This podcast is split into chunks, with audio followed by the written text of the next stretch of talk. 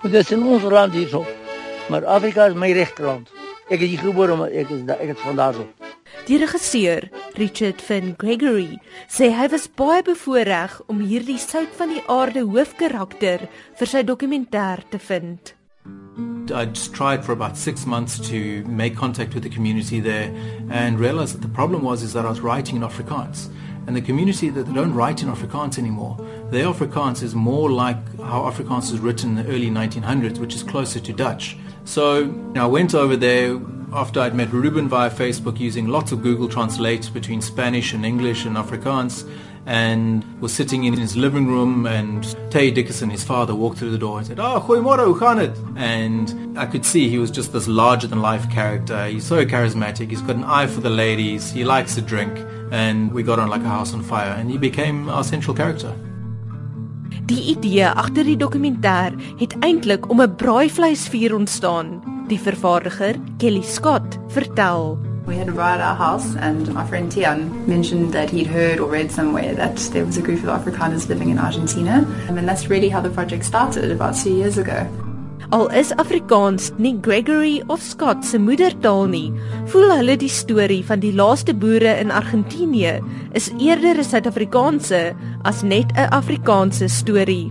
It comes out of the Anglo-Boer War and this is all history that I grew up learning as a kid. And I was wondering if there would be any issues as a native English speaker going over there because one of the main reasons why they left was because of the British in the Anglo-Boer War. And I was wondering, was there any sort of lingering resentment there? And to my surprise, there was absolutely none. All they cared about is I could speak Afrikaans, I was from South Africa, and nothing else really mattered. Maar beide Gregory en Scott het dit tog geniet om klein juweeltjies uit die Afrikaanse taalskatkis by die Argentynse boere te ontdek. Daar's 'n paar woorde soos kopok wat nie so bekend is in Suid-Afrika nie. My favorite one actually is airship. Airship, ja, lugskip. Lugskip. Oom Ted Dickinson sê ek het nog nooit in 'n lugskip gery nie. He doesn't say vliegtuig. So there are lots of interesting little words there. Gregory sê hy hoop dat die Silverskermfees slegs 'n wegspringplek sal wees vir hulle dokumentêr en dat dit nes die Argentynse boere se voorvaders nog ver sal reis. We've had an incredible premiere here, uh, absolute packed house, standing room only, and we're hoping that there's enough in the film that anyone can relate to, whether you're Afrikaans or English speaking or from any country in the world. where there's themes about longing for your homeland, about longing to reconnect with your family that are universal. And so we feel pretty strongly that this is going to get a good audience internationally as well.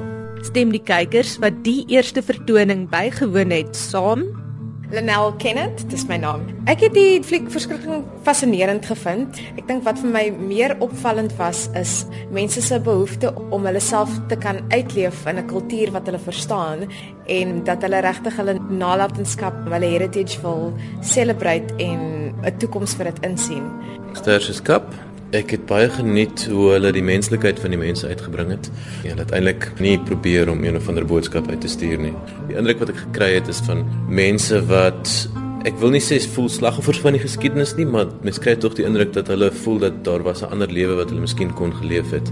Dis iets wat ek dink van kultuur tot kultuur strek. Dit is nie iets wat exclusively vir so 'n gemeenskap tel nie, maar vir almal van ons regtig. Mense het 'n behoefte om hulle cultural identity te weet waarvandaan hulle kom en waarheen hulle gaan, want dis al wat jy regtig kan vashou in 'n wêreld wat konstant verander. Jy sien oorloos kom klip uit van was versteende bome. Hulle is miljoene jare oud sê die mense. So sal die Afrikaners ook hier ook so versteen bly.